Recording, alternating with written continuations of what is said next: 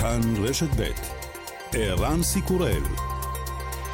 כאן רשת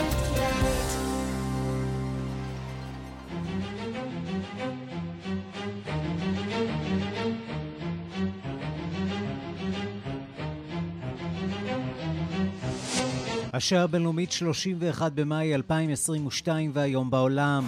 רוסיה הולכת ומשלימה את כיבוש חבל דונבאס, העיר סיבירו דונייצק חולקה לשניים, והיא כעת קו החזית. פליטים ממשיכים לברוח מן האזור.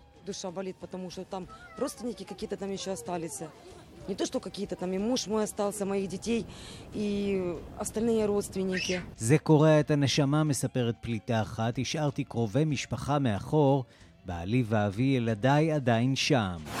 במשך שלושה שבועות ניסו מדינות האיחוד האירופי להגיע לחבילת סנקציות חדשה שתפגע בכלכלה הרוסית ללא הצלחה. הלילה זה סוף סוף קרה.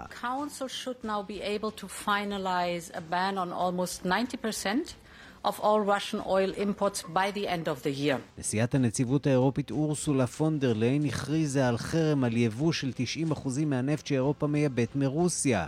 חרם שייכנס לתוקפו עד סוף השנה. המתנגדת הגדולה הייתה גם הפעם הונגריה, ידידתה של רוסיה, והיא גם זו שהצליחה לחלץ פטור עבור עצמה. כל מה שארצות הברית לא מצליחה לעשות, קנדה כנראה מצליחה לעשות טוב יותר. ראש הממשלה ג'סטין טרודו הודיע על חקיקה חדשה שתאסור על יבוא, קנייה ומכירה של אקדחים במדינה. We're introducing legislation to implement a national freeze on handgun ownership. What this means is that it will no longer be possible to buy, sell, transfer, or import handguns anywhere in Canada.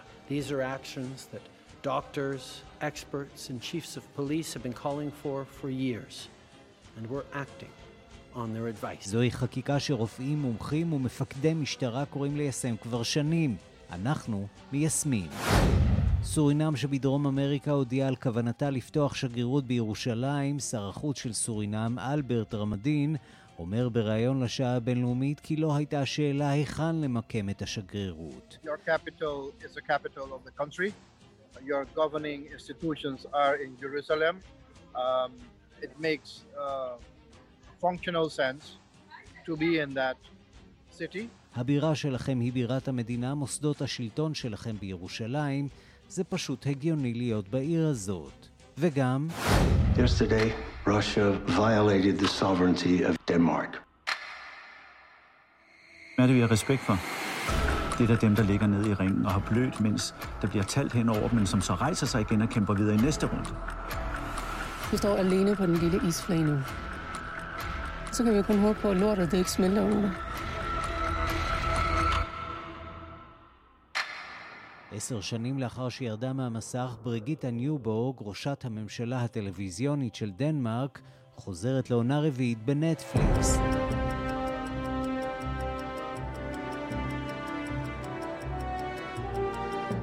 הפעם היא מתמודדת עם אתגרים סביבתיים מורכבים, ובראשם גילויי נפט בגרינלנד, וכן, איומים חוזרים ונשנים, הפעם לא ממש בדיוניים, מצידה של רוסיה.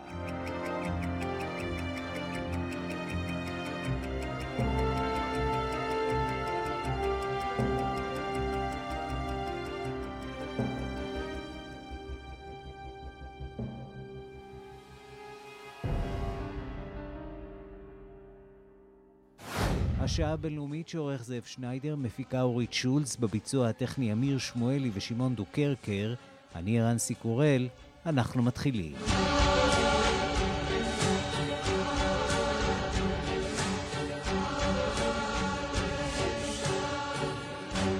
שלום אהב לכם. אוקראינה. רוסיה ממשיכה להתקדם בכיבוש חבל דונבאס מידיה של אוקראינה, ועכשיו הם מעריכים שבתוך ימים ייאלצו הכוחות האוקראינים לסגת מכל הערים בלוהנסק ודונייצק. במישור הדיפלומטי, מנהיגי המדינות החברות באיחוד האירופי מכריזים על צעדים נוספים נגד רוסיה, בהם אמברגו כמעט מלא על יבוא נפט.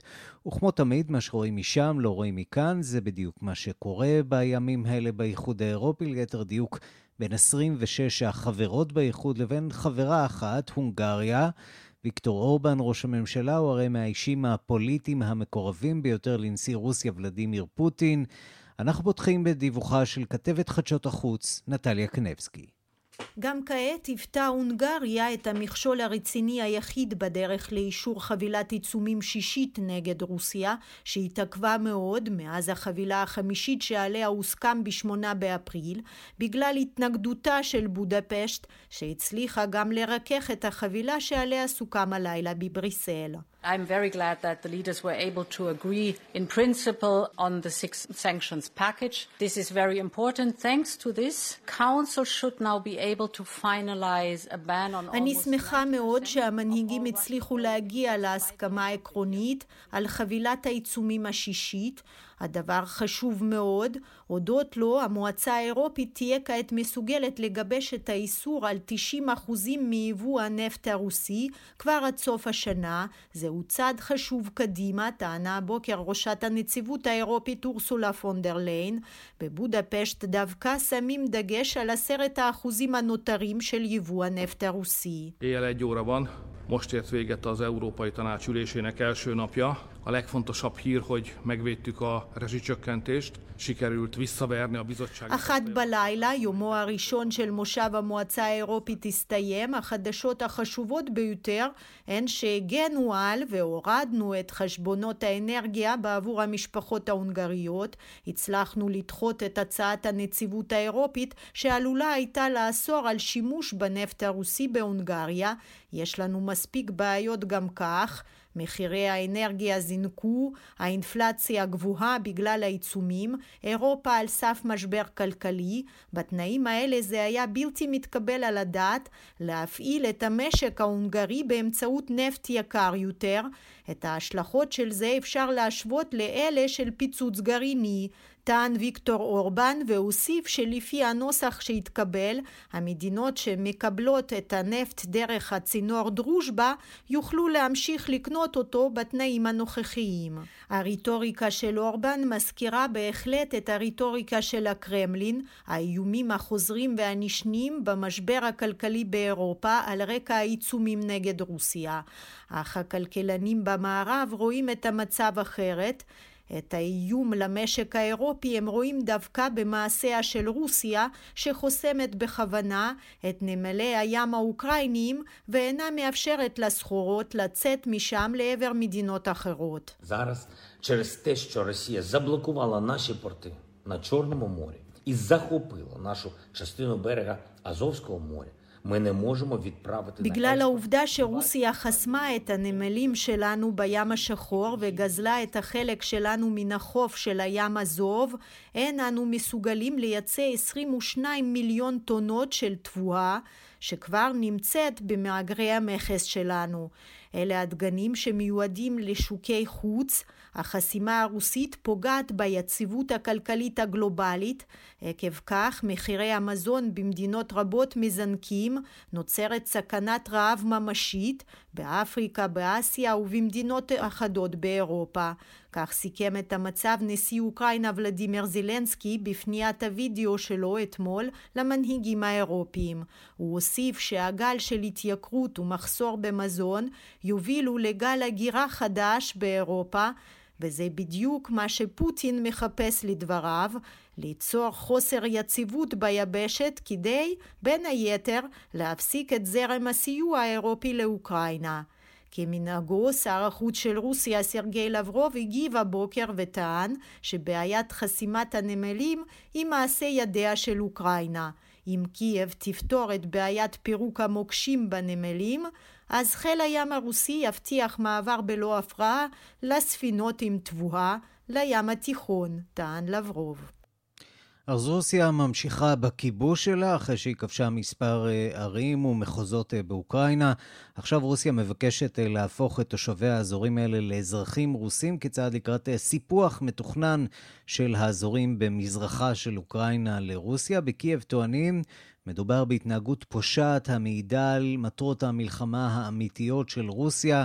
הדיווח של כתבנו במזרח אירופה, ניסן צור.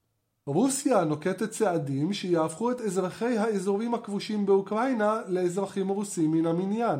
הנשיא פוטין חתם על צו המפשט את התהליכים לתושבי הערים הכבושות חרסון וזפורישה שיבקשו לקבל אזרחות ודרכון רוסיים. על פי הצו החדש, מי שיבקש לקבל אזרחות ודרכון רוסיים אינו נדרש להוכיח כי התגורר בעבר ברוסיה, אינו צריך לעבור מבחן בשפה הרוסית כפי שנהוג במדינות רבות, ולמעשה אינו צריך להוכיח שום קשר לרוסיה מלבד הרצון לקבל אזרחות רוסית. הצו החדש של פוטין הוא המשך לצעד שנקטה רוסיה במחוזות לוהנסק ודונצק המאפשר לתושבים המקומיים לקבל אזרחות רוסית. מאז שנת 2019 הנפיקה רוסיה 800 אלף דרכונים רוסיים לתושבי המחוזות האלו. בחרסון אגב הודח המושל האוקראיני של העיר וראשי הממשל הצבאי אזרחי הודיעו כי הם מתכוונים לבקש מפוטין לשלב את העיר ברוסיה עד סוף השנה הנוכחית. בקייב גינו את הצו החדש של פוטין והאשימו את רוסיה בהתנהגות פושעת. משרד החוץ האוקראיני טען כי היוזמה הרוסית היא עדות נוספת למטרות המלחמה הפליליות של מוסקבה ובהן שילוב של האזורים המוחזקים על ידי הצבא הרוסי בתחומי המשפט, הפוליטיקה והכלכלה של רוסיה. בינתיים ממשיך זרם הפליטים מאוקראינה, אלו שאינם מעוניינים לקבל אזרחות רוסית, להתגבר. הפליטים, שחלקם עברו לערים אחרות באוקראינה, בעוד אחרים חצו את הגבול למדינות אחרות, מספרים על המצב ההומניטרי הקשה בערים הנמצאות תחת מתקפה או כיבוש רוסי. סבטלנה נסטרנקו, שנמלטה מביתה באוקראינה, סיפרה על התנאים הקשים מהם סובלים אלו שנותרו במדינה. Нас три дня назад попало клуб бомбоубежище, где мы сидели. Мы там просидели три месяца. Сейчас нету там ни связи, ни воды, ни света, ни газа. לפני שלושה ימים נפגע המקלט שלנו שהיינו בו שלושה חודשים. כעת אין כיסוי לרשת הטלפון הסלולרי, אין מים, חשמל או גז.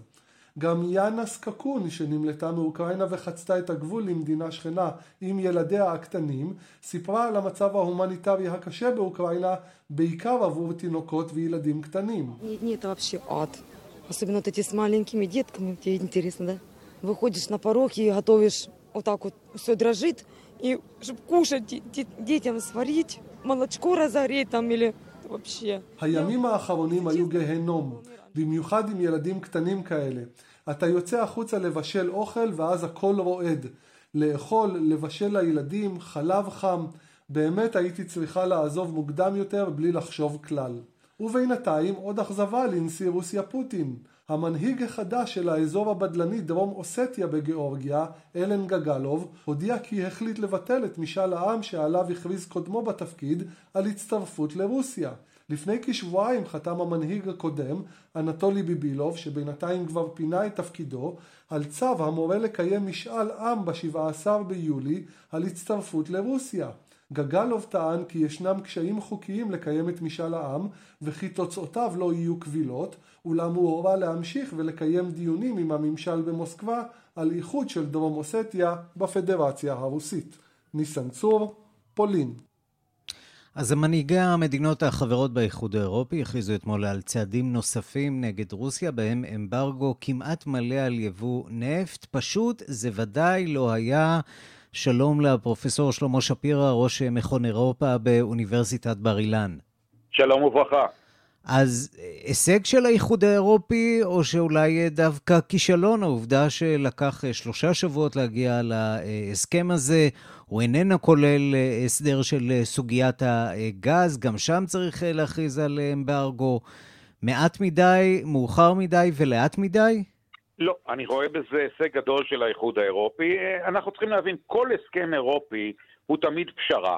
קשה מאוד להביא להסכמה מדויקת בין כל המדינות החברות, שבעיקר בנושא של רוסיה, יש עדיין גם אה, תומכים לא קטנים של רוסיה באיחוד האירופי. עצם העובדה אה, שהצליחו להגיע להסכמה שעד סוף השנה יפסיקו לקנות נפט מרוסיה, ו- וזה מסויג, זה רק נפט שמגיע במכולות, לא נפט שמגיע דרך צינור. מדובר בערך בשני שליש מהנפט שרוסיה אה, מייצאת לאירופה. זה עדיין כמות עצומה וזה עדיין אה, סכום עצום שפוטין לא יקבל מהאירופים. אנחנו מדברים על משהו כמו 250, 260 אה, מיליון אה, אירו ביום אה, שרוסיה כן. מקבלת ממדינות המערב בתמורה לנפט שלה. כן. הבעיה שתיווצר עכשיו זה עודף הנפט שיהיה לרוסיה, והרוסים יציפו את שווקי האנרגיה שלא באירופה, אה, כי יש מדינות שלא אכפת להן לקנות אה, מרוסיה, הן שמחות לקנות נפט זול, יהיה עוד יותר זול, למשל סין, למשל מדינות בדרום-מזרח אסיה, ולכן שוק האנרגיה העולמי, שהיום המחירים פחות או יותר אחידים, אנחנו תמיד מדברים על מחיר חבית נפט, שהוא כמעט זהה בכל העולם, למעט הוצאות תובלה שהן זניחות, אה, ואנחנו צפויים לראות למעשה שני שווקי אנרגיה בעולם, אה, לומר את זה בציניות, נפט כשר ונפט לא כשר, השאלה מאיפה הוא אה, הגיע, וזה ישפיע גם על ישראל.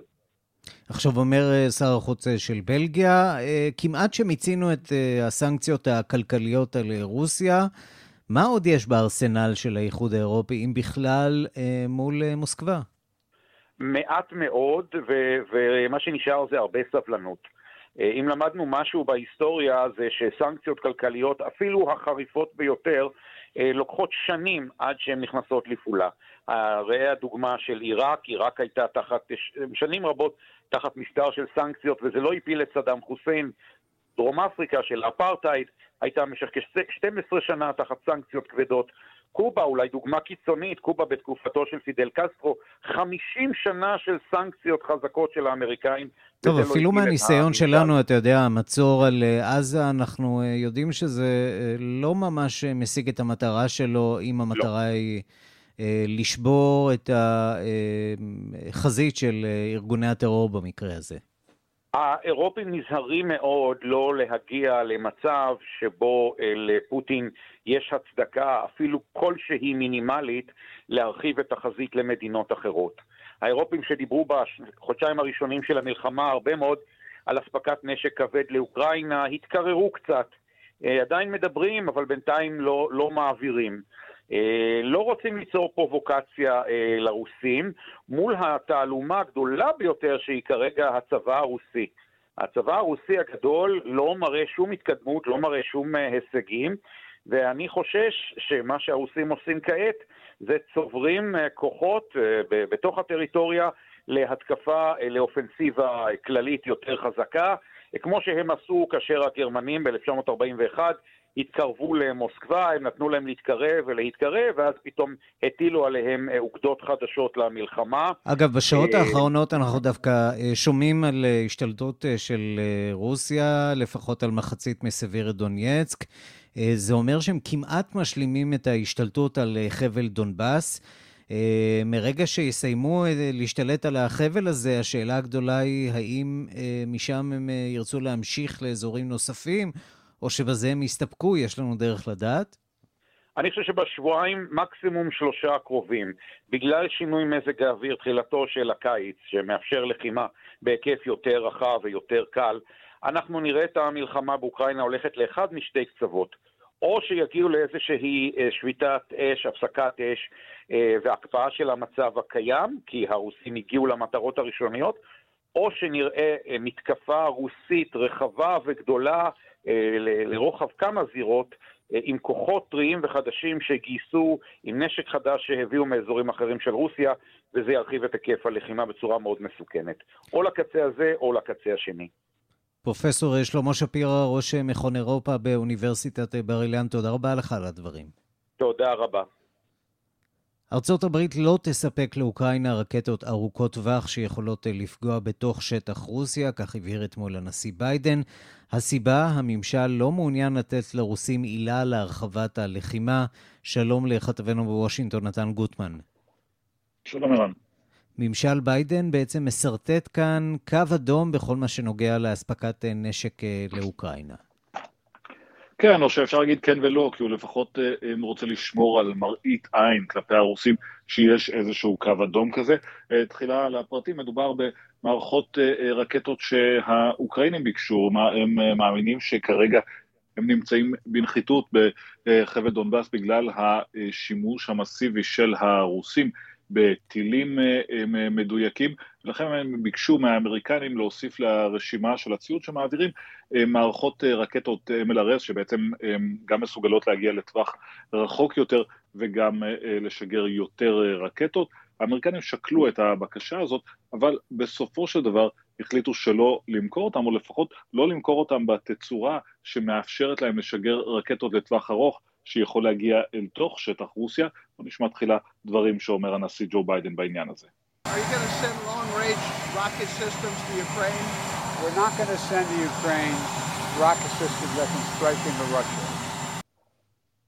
לא נשגר um, לאוקראינה מערכות נשק שיכולות לפגוע בתוך רוסיה, מבהיר הנשיא ביידן אתמול. כאמור זה עדיין um, לא מונע מכירה של MLRS, אבל בתצורה uh, ועם uh, רקטות קצרות טווח יותר, זה דבר שעדיין אפשרי. למה האמריקנים עושים את זה? כי חשוב להם להבהיר לפוטין שהמלחמה מוגבלת לשטח אוקראינה, שמבחינתם הם עושים הכל כדי לסייע לאוקראינה לנצח במלחמה, אבל לא מרחיבים אותה מעבר לכך, אה, מתוך חשש שפוטין ינצל את uh, uh, העובדה הזאת, אם, אם יתברר לו שנשק אמריקני נוחת בתוך uh, שטח uh, רוסיה, הוא ינצל את זה כדי להרחיב את המלחמה, וזה משהו שארצות הברית לא מעוניינת לעשות כרגע, אבל אמרנו שהדברים האלה נעשים בחצי קריצה, כי בסופו של דבר המערכות uh, והמודיעין שאמריקה מספקים uh, לאוקראינים בהחלט פוגעות ברוסיה בכל מקום, וגם אם הן uh, לא נוגעות בתוך שטח רוסיה, הרי שמדובר בכוח אה, מסיבי שעוזר לאוקראינים להילחם ברוסיה ובהתערבות אמיתית במלחמה. ומענייני חוץ אמריקנים לענייני פנים אמריקנים, בסנאט אה, מנסים עכשיו מחוקקים משתי המפלגות להגיע אה, לפשרה שמגבילה את תפוצת כלי הנשק בעקבות הטבח ביובלדי. האם יש בכלל סיכוי שמשהו יעבור?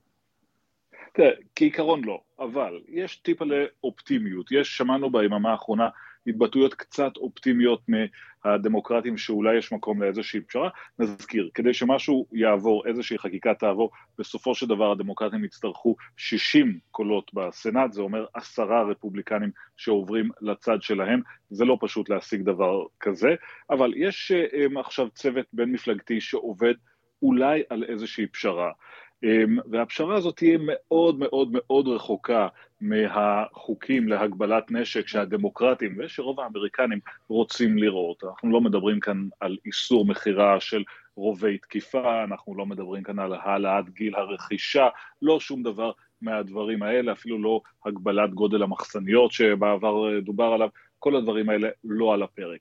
לכל היותר מדובר על חקיקה שתכלול אה, איזושהי אה, אה, סגירה של כמה פרצות בחוקי בדיקות הרקע, דרישה שכלי הנשק יאופסנו במקום בטוח, חובת התראה על אנשים שיש להם בעיות של אלימות או בעיות נפשיות, וכן אספקה של תקציבים לטיפול בבעיות נפשיות וביטחון בבתי ספר, דברים מאוד מאוד שוליים, אבל אם הם יעברו, הם יוכלו לשנות את המשוואה הזאת שגורסת כרגע שאי אפשר לעשות שום דבר באמריקה בעניין נשק, לפחות זה יפתח את הדיון. הדמוקרטים אומרים אולי זה יראה לרפובליקנים שלא קורה שום דבר אם מצביעים עבור דברים כאלה, אנחנו מאוד מאוד רחוקים מהנקודה הזאת, וניסיון העבר מלמד שזה לא יהיה פשוט אה, להעביר שום דבר בנושא הזה, הדמוקרטים קצת אופטימיים בעניין הזה. כרגע, אנחנו נצטרך להמתין ולראות בשבוע הקרוב אם אכן הם מצליחים להזיז משהו בנושא הזה. בינתיים במקביל אה, נמשכות הבדיקות והחקירות בנוגע להתנהלות של המשטרה ביובלדי. כבר עכשיו ברור כמובן שהיו שם מחדלים שהמשטרה לא פעלה כשורה, ועכשיו בעצם ביובלדי אומרים אנחנו רוצים להוציא את החקירה הזאת אל אה, הרשויות הפדרליות כדי שהן תוכלנה לבדוק מה בדיוק קרה. הנה דברים שאמר בנושא הזה ראש עיריית יובלדי, דון מקלפלן. Every press conference, something has changed in different things. I'm not doubting DPS or Texas Rangers. I think they will do a thorough and efficient job. But I would like to have an outside of outset, an outside set of eyes to look over the whole thing and review it. Because if there's holes in it or we made a mistake, I want to be as transparent as we can. I want to make sure that we can let everybody know what happened in our community, and so that other towns can better prepare for this. כן, אני רוצה שיסתכלו על זה בעיניים אה, של אנשים אה, מבחוץ ויבחנו בדיוק מה קרה אצלנו, אומר אה, ראש העיר, כדי שנוכל ללמוד מזה, שאם היו חורים בטיפול שלנו בנושא הזה, אנחנו נוכל ללמוד מהם וערים אחרות יוכלו ללמוד מזה גם כן. אני חושב שאולי אחת המסקנות שכבר אפשר להסיק מהן היא שבמקומות קטנים במיוחד, במקומות מבודדים במיוחד, ייתכן שהחוקים צריכים להיות, או הנהלים, הנהלים לטיפול במקרים כאלה, צריכים להיות קצת שונים, וכמובן להבהיר שוב את הצורך של השוטרים להסתער כאשר יש אירוע כזה, ולא להמתין לתגבורות שלוקח להם זמן רב להגיע. נתן, תודה. תודה רבה. בקנדה עושים את מה שארצות הברית עדיין לא בשלה לו, כנראה, ומנסים להטיל מגבלות על הנשק. הלילה אה, מציג ראש הממשלה ג'סטין טרודו הצעת אה, חוק מרחיקת לכת בעניין הזה. שלום לכתבת תחום החוץ מיכל רשף. שלום ערן. כן, אז אה, יומיים לאחר האירוע, אירוע הירי ההמוני בטקסס, נזכיר, אולי זה קצת עבר מתחת לרדאר, אבל גם בטורונטו קיבלו תזכורת לאפשרות שטבח כזה יכול בעצם לצאת מגבולות ארצות הברית. אדם חמוש ברובה הותר בסמוך לבית ספר יסודי בטורונטו, הוא נורה ונהרג לפני שהוא הספיק לפגוע במישהו, אבל כנראה שלממשלה של ג'סטין טרודו זה הספיק, הוא מחליט שהוא לא מתכוון להמתין למקרים כמו יובלדי טקסס, הוא מכריז על שורה של צעדים להגבלת הנשק במדינה. אז טרודו בעצם הציג אתמול הצעת חוק שלמעשה מקפיאה את המצב הקיים בכל מה שקשור לבעלות על אקדחים בקנדה. כלומר, מעתה אזרחים לא, לא יוכלו לרכוש, ל, לרכוש, למכור, להעביר או לייבא אקדחים בכל מקום בקנדה.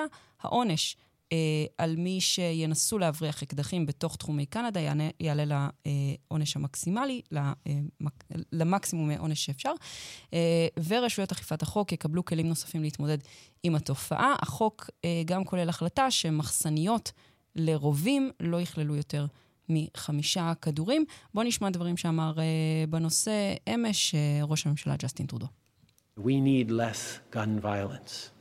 We cannot let the guns debate become so polarized that nothing gets done. We cannot let that happen in our country. כן, כמובן, עם המבט אה, לארצות הברית, אומר טרודו, אנחנו זקוקים להפחתה באלימות שנגרמת כתוצאה משימוש בנשק. אנחנו לא יכולים לאפשר לדיון להיות אה, כל כך אה, מקוטב, אה, כמו אה, עד כדי כך שדבר לא ייעשה. זה לא יכול לקרות במדינה שלנו.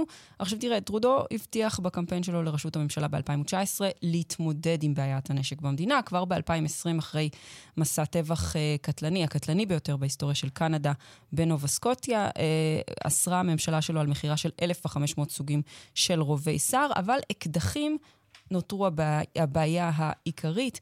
רק בין 2010 ל-2020 גדל מספרם של האקדחים הרשומים בקנדה ב-71 אחוזים ליותר ממיליון אה, אקדחים, אז הוא מנסה למנוע מצב כמו יובלדי טקסס, ראינו את זה גם במדינות אחרות אחרי מעשי טבח, כמו ניו זילנד למשל, שהצליחה אה, להגביל את, אה, את מכירת הנשק שם, אז גם קנדה עושה צעד בכיוון הזה. יש ממי ללמוד.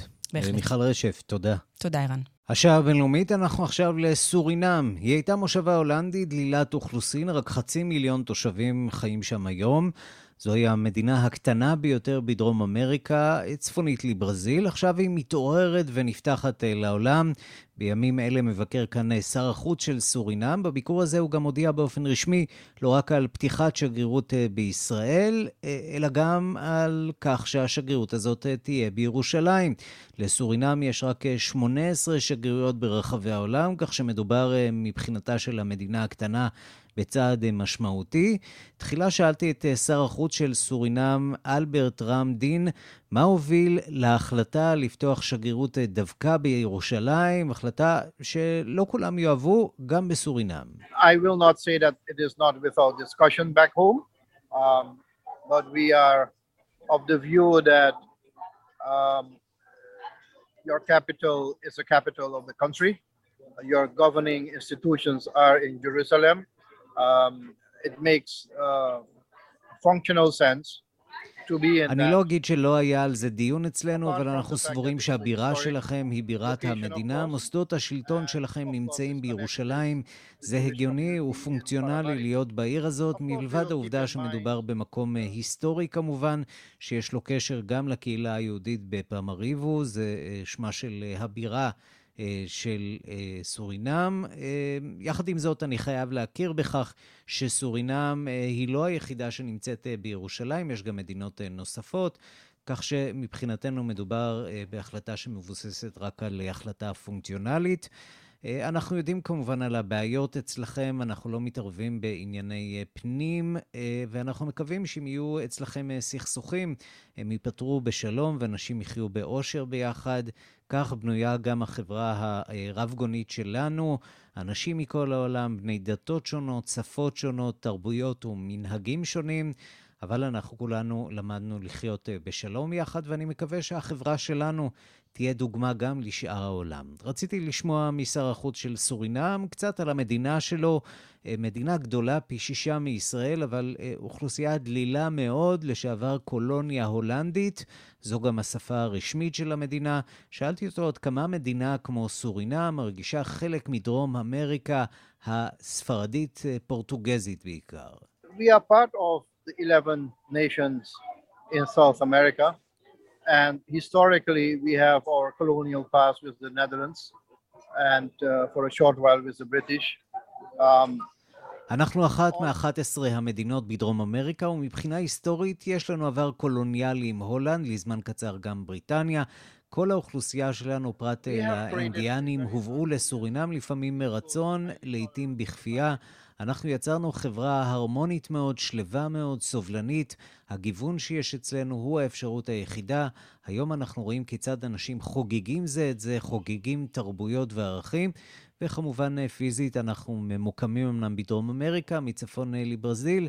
אנחנו כמובן מחזקים את היחסים שלנו עם ברזיל ומדינות אחרות באמריקה הלטינית, אבל מבחינה תרבותית אנחנו מרגישים חלק מהאיים הקריביים. התרבות הקריבית מאוד מותאמת לתרבות שלנו, אז מבחינתנו המגוון חורג מעבר לגבולות שלנו. אנחנו שייכים לעולם שבו אנחנו צריכים למצוא מקום לעצמנו שהוא ייחודי, אבל יחד עם זאת בעל משמעות בתקשורת שלנו מול העולם, ואני שמח לראות את זה קורה. בעוד שבמובנים רבים המדינה לא ידועה בעולם, אנחנו הצלחנו להקים חברה שמתפקדת היטב, בעלת אוריינטציה, צופת פני עתיד, שלווה במובנים רבים, וזה משהו שאנחנו שואפים אליו ומקווים לשמר אותו כפי שהוא. אז כל זה נשמע מצוין, אבל צריך להודות שהיחסים עם המעצמה הקולוניאלית לשעבר הולנד אף פעם לא היו פשוטים. למעשה בעשר השנים האחרונות כמעט נותקו הקשרים בין שתי המדינות, משום שסורינם הרגישה שהולנד מתערבת בעניינים שלה. אני שאלתי את השר האם הסיפור הזה, העימות מול הולנד, נמצא כבר מאחוריהם. After we took over in July 2020, uh, within two months we have re-established uh, solid relations. מאז שהשלטון שלנו נכנס לתפקיד ביולי 2020, אנחנו שיקמנו את היחסים עם אה, הולנד. הולנד מבחינתנו היא שותפה חשובה. אחרי 46-47 שנות עצמאות, אנחנו מאמינים שאנחנו יכולים לעמוד על שלנו. אבל יש לנו קהילה אה, גדולה שחיה בהולנד, וזה הופך את מערכת היחסים הזאת לחשובה מבחינה פוליטית. אה, אנחנו מגבירים את הנוכחות שלנו במדינות אה, רבות, גם בצרפת, גם בבלגיה, ואנחנו נמשיך לעשות את זה גם במזרח התיכון, למשל עם סעודיה, ישראל, מרוקו. אנחנו רוצים שתהיה לנו נוכחות. גם בארצות הברית של אמריקה, גם שם אנחנו מקפידים להיות uh, ולהשפיע. אז לא רבים מכירים את סורינם בישראל, וזאת uh, הזדמנות uh, לשר גם לספר לנו האם כדאי לקבוע את uh, סורינם כיעד הבא לביקורים uh, ישראלים. I hereby certainly invite through your channel all Israelis to visit Suriname for a couple of reasons. One, which I already indicated, there is a heritage, there is a history בהחלט אני מזמין באמצעות אה, התוכנית שלך את כל הישראלים לבקר בסורינם מכמה סיבות. יש כאן היסטוריה של הקהילה היהודית בסורינם שתחילתה במאה ה-17. אה, מעניין לישראלים לראות את זה ולחגוג את זה. יש לנו קהילה יהודית קטנה אבל חזקה בפמריבו, ומעבר לזה, מדינה עם מגוון עצום מבחינת תרבות, מוסיקה, אומנויות, שפה, מטבח, אה, מוצא אתני. מדינה שלווה, בטוחה והרמונית, גם זה חריג אה, יחסית אה, באזור.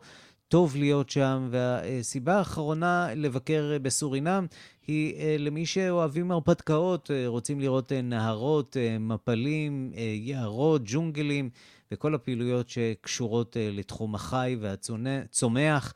סורינם היא המקום להיות בו, אומר שר החוץ של סורינם. ולהמלצה הזאת שותף גם השגריר הלא תושב לסורינם, איתי ברדוב. היא 93% יער, זה אחת משלוש המדינות בעולם שהיא מה שמוגדרת carbon negative, מייצרת יותר חמצן מאשר פחמן דו-חמצני. אה, יש אה, אתרים שאני עוד לא ביקרתי בהם בעצמי, אבל אה, אני יודע שיש אתרים מאוד מאוד יפים להייקס, לטיולים, מסעות, ואפשר לשלב גם ביקורים ממדינות נוספות באזור, אז זה בהחלט, בהחלט שווה, שווה לבקר. כמה ישראלים יכולים להגיד שהם ביקרו שם? כן, רצינו לשמוע מהשגריר הישראלי, מה החשיבות של סורינם מבחינתה של ישראל? מדינה שחברה בארגון מדינות האסלאם, וזה משהו שמאוד מאוד חשוב. יש לה רקע של הצבעות באו"ם שהוא מאוד שלישי, שלילי כלפינו, ופה אנחנו רואים הזדמנות, זה לא רק עניין של פתיחת שגרירות, אבל גם הזדמנות לשנות את דפוס ההצבעה, ואתה יודע, האצבע של סורינם זה בדיוק כמו האצבע של הונגריה באו"ם. בנוסף, בחודש הבא הם הולכים לקחת על עצמם את הנשיאות של אה, קאריקום, שזה ארגון מדינות הקריבים, ארגון שמייצג 15 מדינות קריביות, אה, והם יהוו עבורנו סיוע משמעותי לפתח, לחזק, לקדם את היחסים עם המדינות האחרות, שלחלקן, עם חלקן אין לנו באמת יחסים מי יודע מה, אה, וזה יהיה עבורנו באמת כלי סיוע משמעותי לחדש את היחסים או לחזק את היחסים. ובנקודה האחרונה זה, השר כבר ציין, הם גילו מאגרי אה, נפט וגז אדירים לחופי סורינם, אה, ייקח קצת זמן, תוך שנתיים שלוש הם יתחילו גם לראות רווחים משמעותיים, אה, וזה משהו שאנחנו, הסקטור הפרטי בישראל, יהיה מאוד ירצה להיות נוכח או חלק מזה. אז יחסים עם סוריה אולי אין לנו, אבל יחסים טובים עם סורינם, מהיום דווקא כן.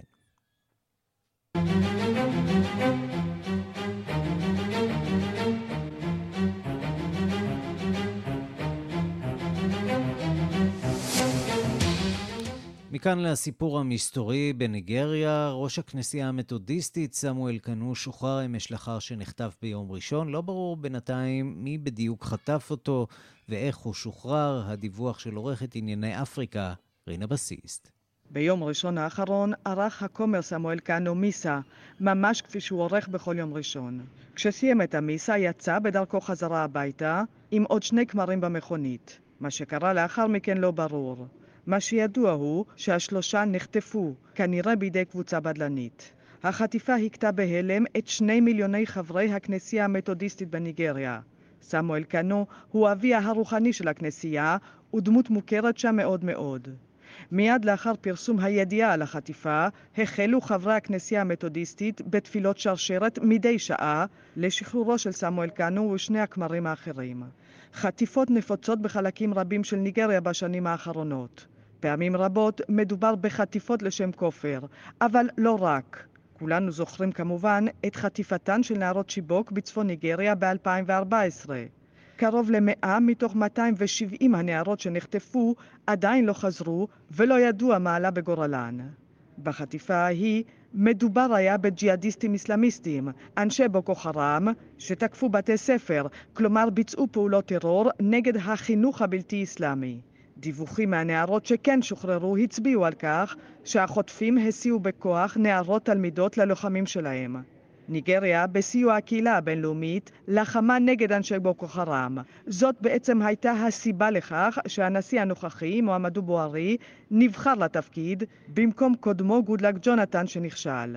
למרות ההצלחות של הצבא הניגרי נגד בוקו חראם, הרי שבשנים האחרונות חלה התעוררות מחודשת של התקפות של כנופיות חמושות, כולל קבוצות מיליטנטיות אסלאמיסטיות בצפון.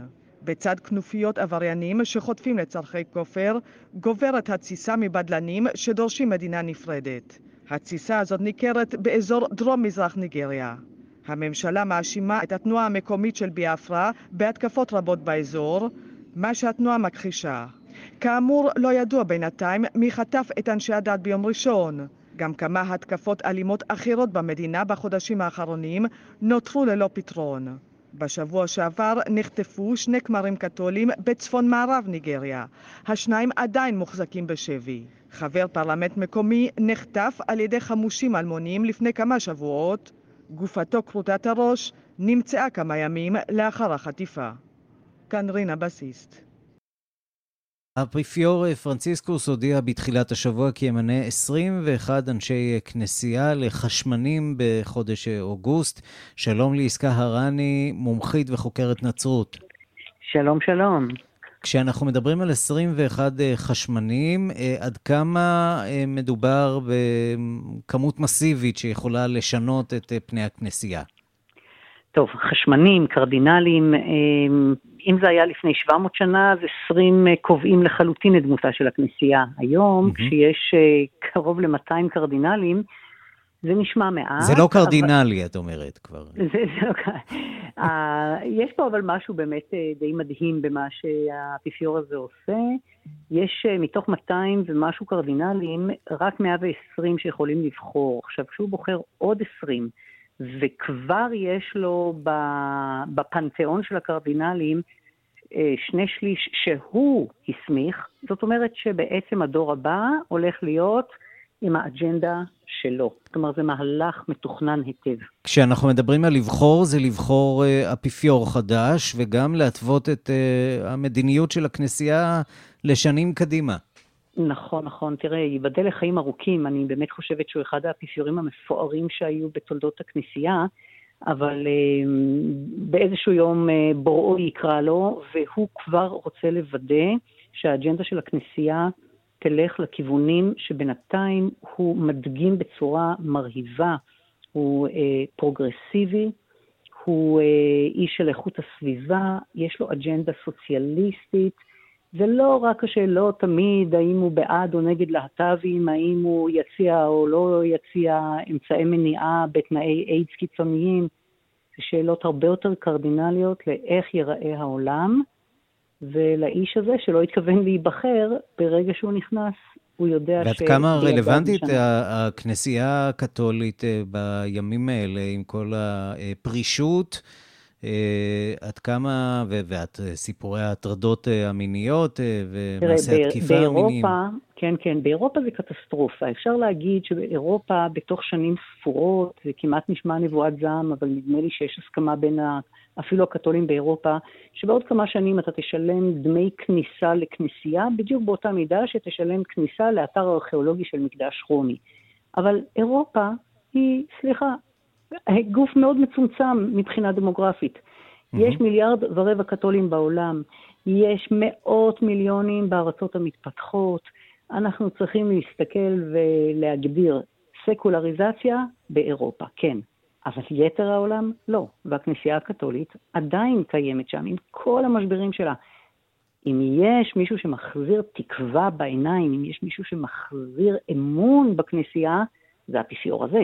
האפיפיור הזה הוא אה, ברכה שאף אפיפיור אחר, אפילו דמות תיאטרלית כמו יוחנן פאולוס השני, לא יכול היה לייצר לכנסייה. טוב, אני רק מדמיין את אה, האפיפיור הקודם, אה, יושב שם אה, באיזו פינה בוותיקן, רצינגר צופה בשינויים האלה, ובמידה מסוימת מתפלץ. עסקה ארני, מומחית לנצרות, תודה רבה לך על הדברים. מאחל תקווה גדולה לפרנציסקוס ולקרדינלים, ושהעולם הזה יתוקן אולי עם דמותו המדהימה של האפיפיור הנוכחי. הלוואי, תודה. בבקשה. אנחנו נשארים אה, בתחום אה, אנשי הדת, כ-350 רבנים משתתפים בכינוס ועידת אה, רבני אירופה שנערכת במינכן, בצד רבנים אורחים בהם ממדינות מוסלמיות, אפילו מאיראן, נציגי ממשל אירופיים בכירים. על הפרק סיוע ליהודים שנפגעו במלחמה באוקראינה, דיווחו של כתבנו גדעון קוץ. הוועידה ה-32 של רבני אירופה נדחתה פעמיים בגלל הקורונה ואחר כך בגלל המלחמה באוקראינה. כותרת הכינוס הכללית היא מנהיגות רבנית לעת חירום בעת מגפה ומלחמה. ועידת הרבנים ערכה מבצע ענק לאספקת מזון כשר לקהילות הנצורות וסייעה במציאת מגורים לפליטים היהודים מאוקראינה על ידי יצירת מאגר חירום של אפשרויות שיכון.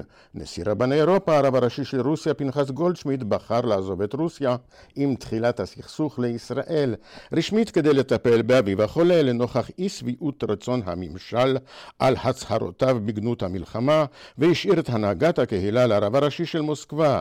בנאומו הוא תיאר את הקהילות שנחרבו לאחר שנבנו במאמץ רב בעשרות השנים האחרונות, ונשא תפילה לשלום. We have to pray for peace and end of hostilities, the end of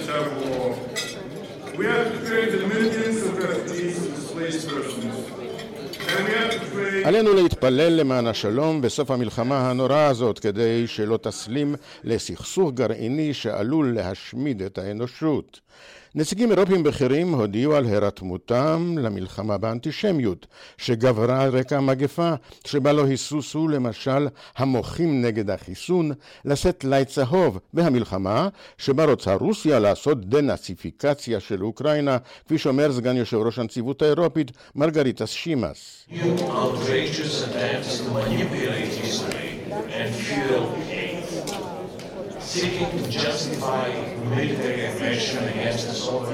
גם רבני קהילות של מדינות מוסלמיות הגיעו לוועידת מינכן, כמו אלה של טוניסיה, דובאי ואיחוד הנסיכויות, ואפילו הרב הראשי של איראן, יהודה גרמי, בא להרגיע את באי הוועידה כי המצב המדיני והביטחוני המתוח עם ישראל לא פגע במצבה של הקהילה בת עשרים אלף הנפשות, ואין לדבריו כל התנחלויות. ברוך השם, ברוך השם.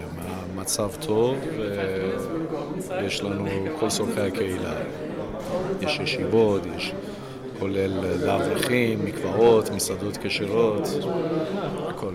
בית החולים היהודי ספיר, שנודע באיכותו, סגור עכשיו בגלל חוסר תקציב, אך הוא מקווה שייפתח שוב, ולגבי העתיד... מתפללים שיבוא שלום ויבוא משיח. הנוכחים שמעו את ברכתו המוקלטת של נשיא המדינה יצחק הרצוג, אך דווקא הרב הראשי לישראל הראשון לציון, יצחק יוסף, לא היסס לפנות לרבני אירופה לסייע לרבנות הראשית במלחמתה בממשלה, על רקע הרפורמות של סגן השר מתן כהנא, צריך להיאבק בהם שיחזרו בהם מדרכם הרעה, אמר הרב. אחת השאלות החשובות היא הטיפול ומתן מענה לצרכים של החיילים היהודים המגויסים בצד זה או אחר. הרב הראשי החדש של צבא גרמניה ישב ראש בדיונים בצד נציגים מישראל, יונתן רובין, רב פיקוד הצפון, ואופיר טובול, רב חיל הים, שמודעים למצב העדין של החייל היהודי באירופה ולא רק שם. כל העיסוק של אה, מענה לפרט ולקהילה שהפרט או הקהילה נמצאים בסכנה, שזה זה, זה נושא ועידת רבני אירופה, אחרי המגפה, אחרי הקורונה, וגם עם הסיפור עכשיו של המלחמה באוקראינה. זה משהו שהוא משותף לכלל הרבנים, לא משנה, זה אתה יכול להיות רב צבאי ויש לך את זה עם החיילים. חייל אה, צריך להסתכן, למה להסתכן? פה יש אוכלוסייה שנמצאת בסכנה. אז אה, באנו, גם, באנו להשמיע, אבל גם, גם הרבה לשמוע. כאן גדעון קוץ, במינכן.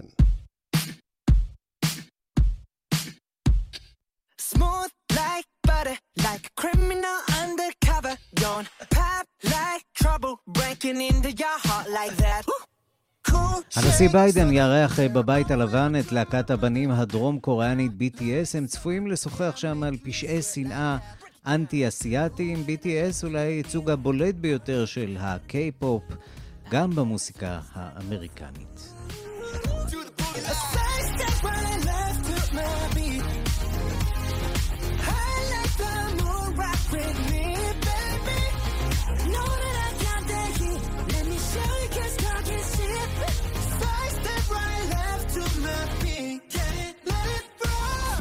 עד כאן השעה הבינלאומית, מהדורת יום שלישי שערך זאב שניידר, המפיקה אורית שולץ, הטכנאים אמיר שמואלי ושמעון דוקרקר, אני רנסי קורל, יד אחרינו רגעי קסם עם גדי לבנה. אנחנו מחכים לכם אה, גם באינטרנט, אה, גם בטוויטר, חפשו אותי שם, ערן סיקורל, להתראות.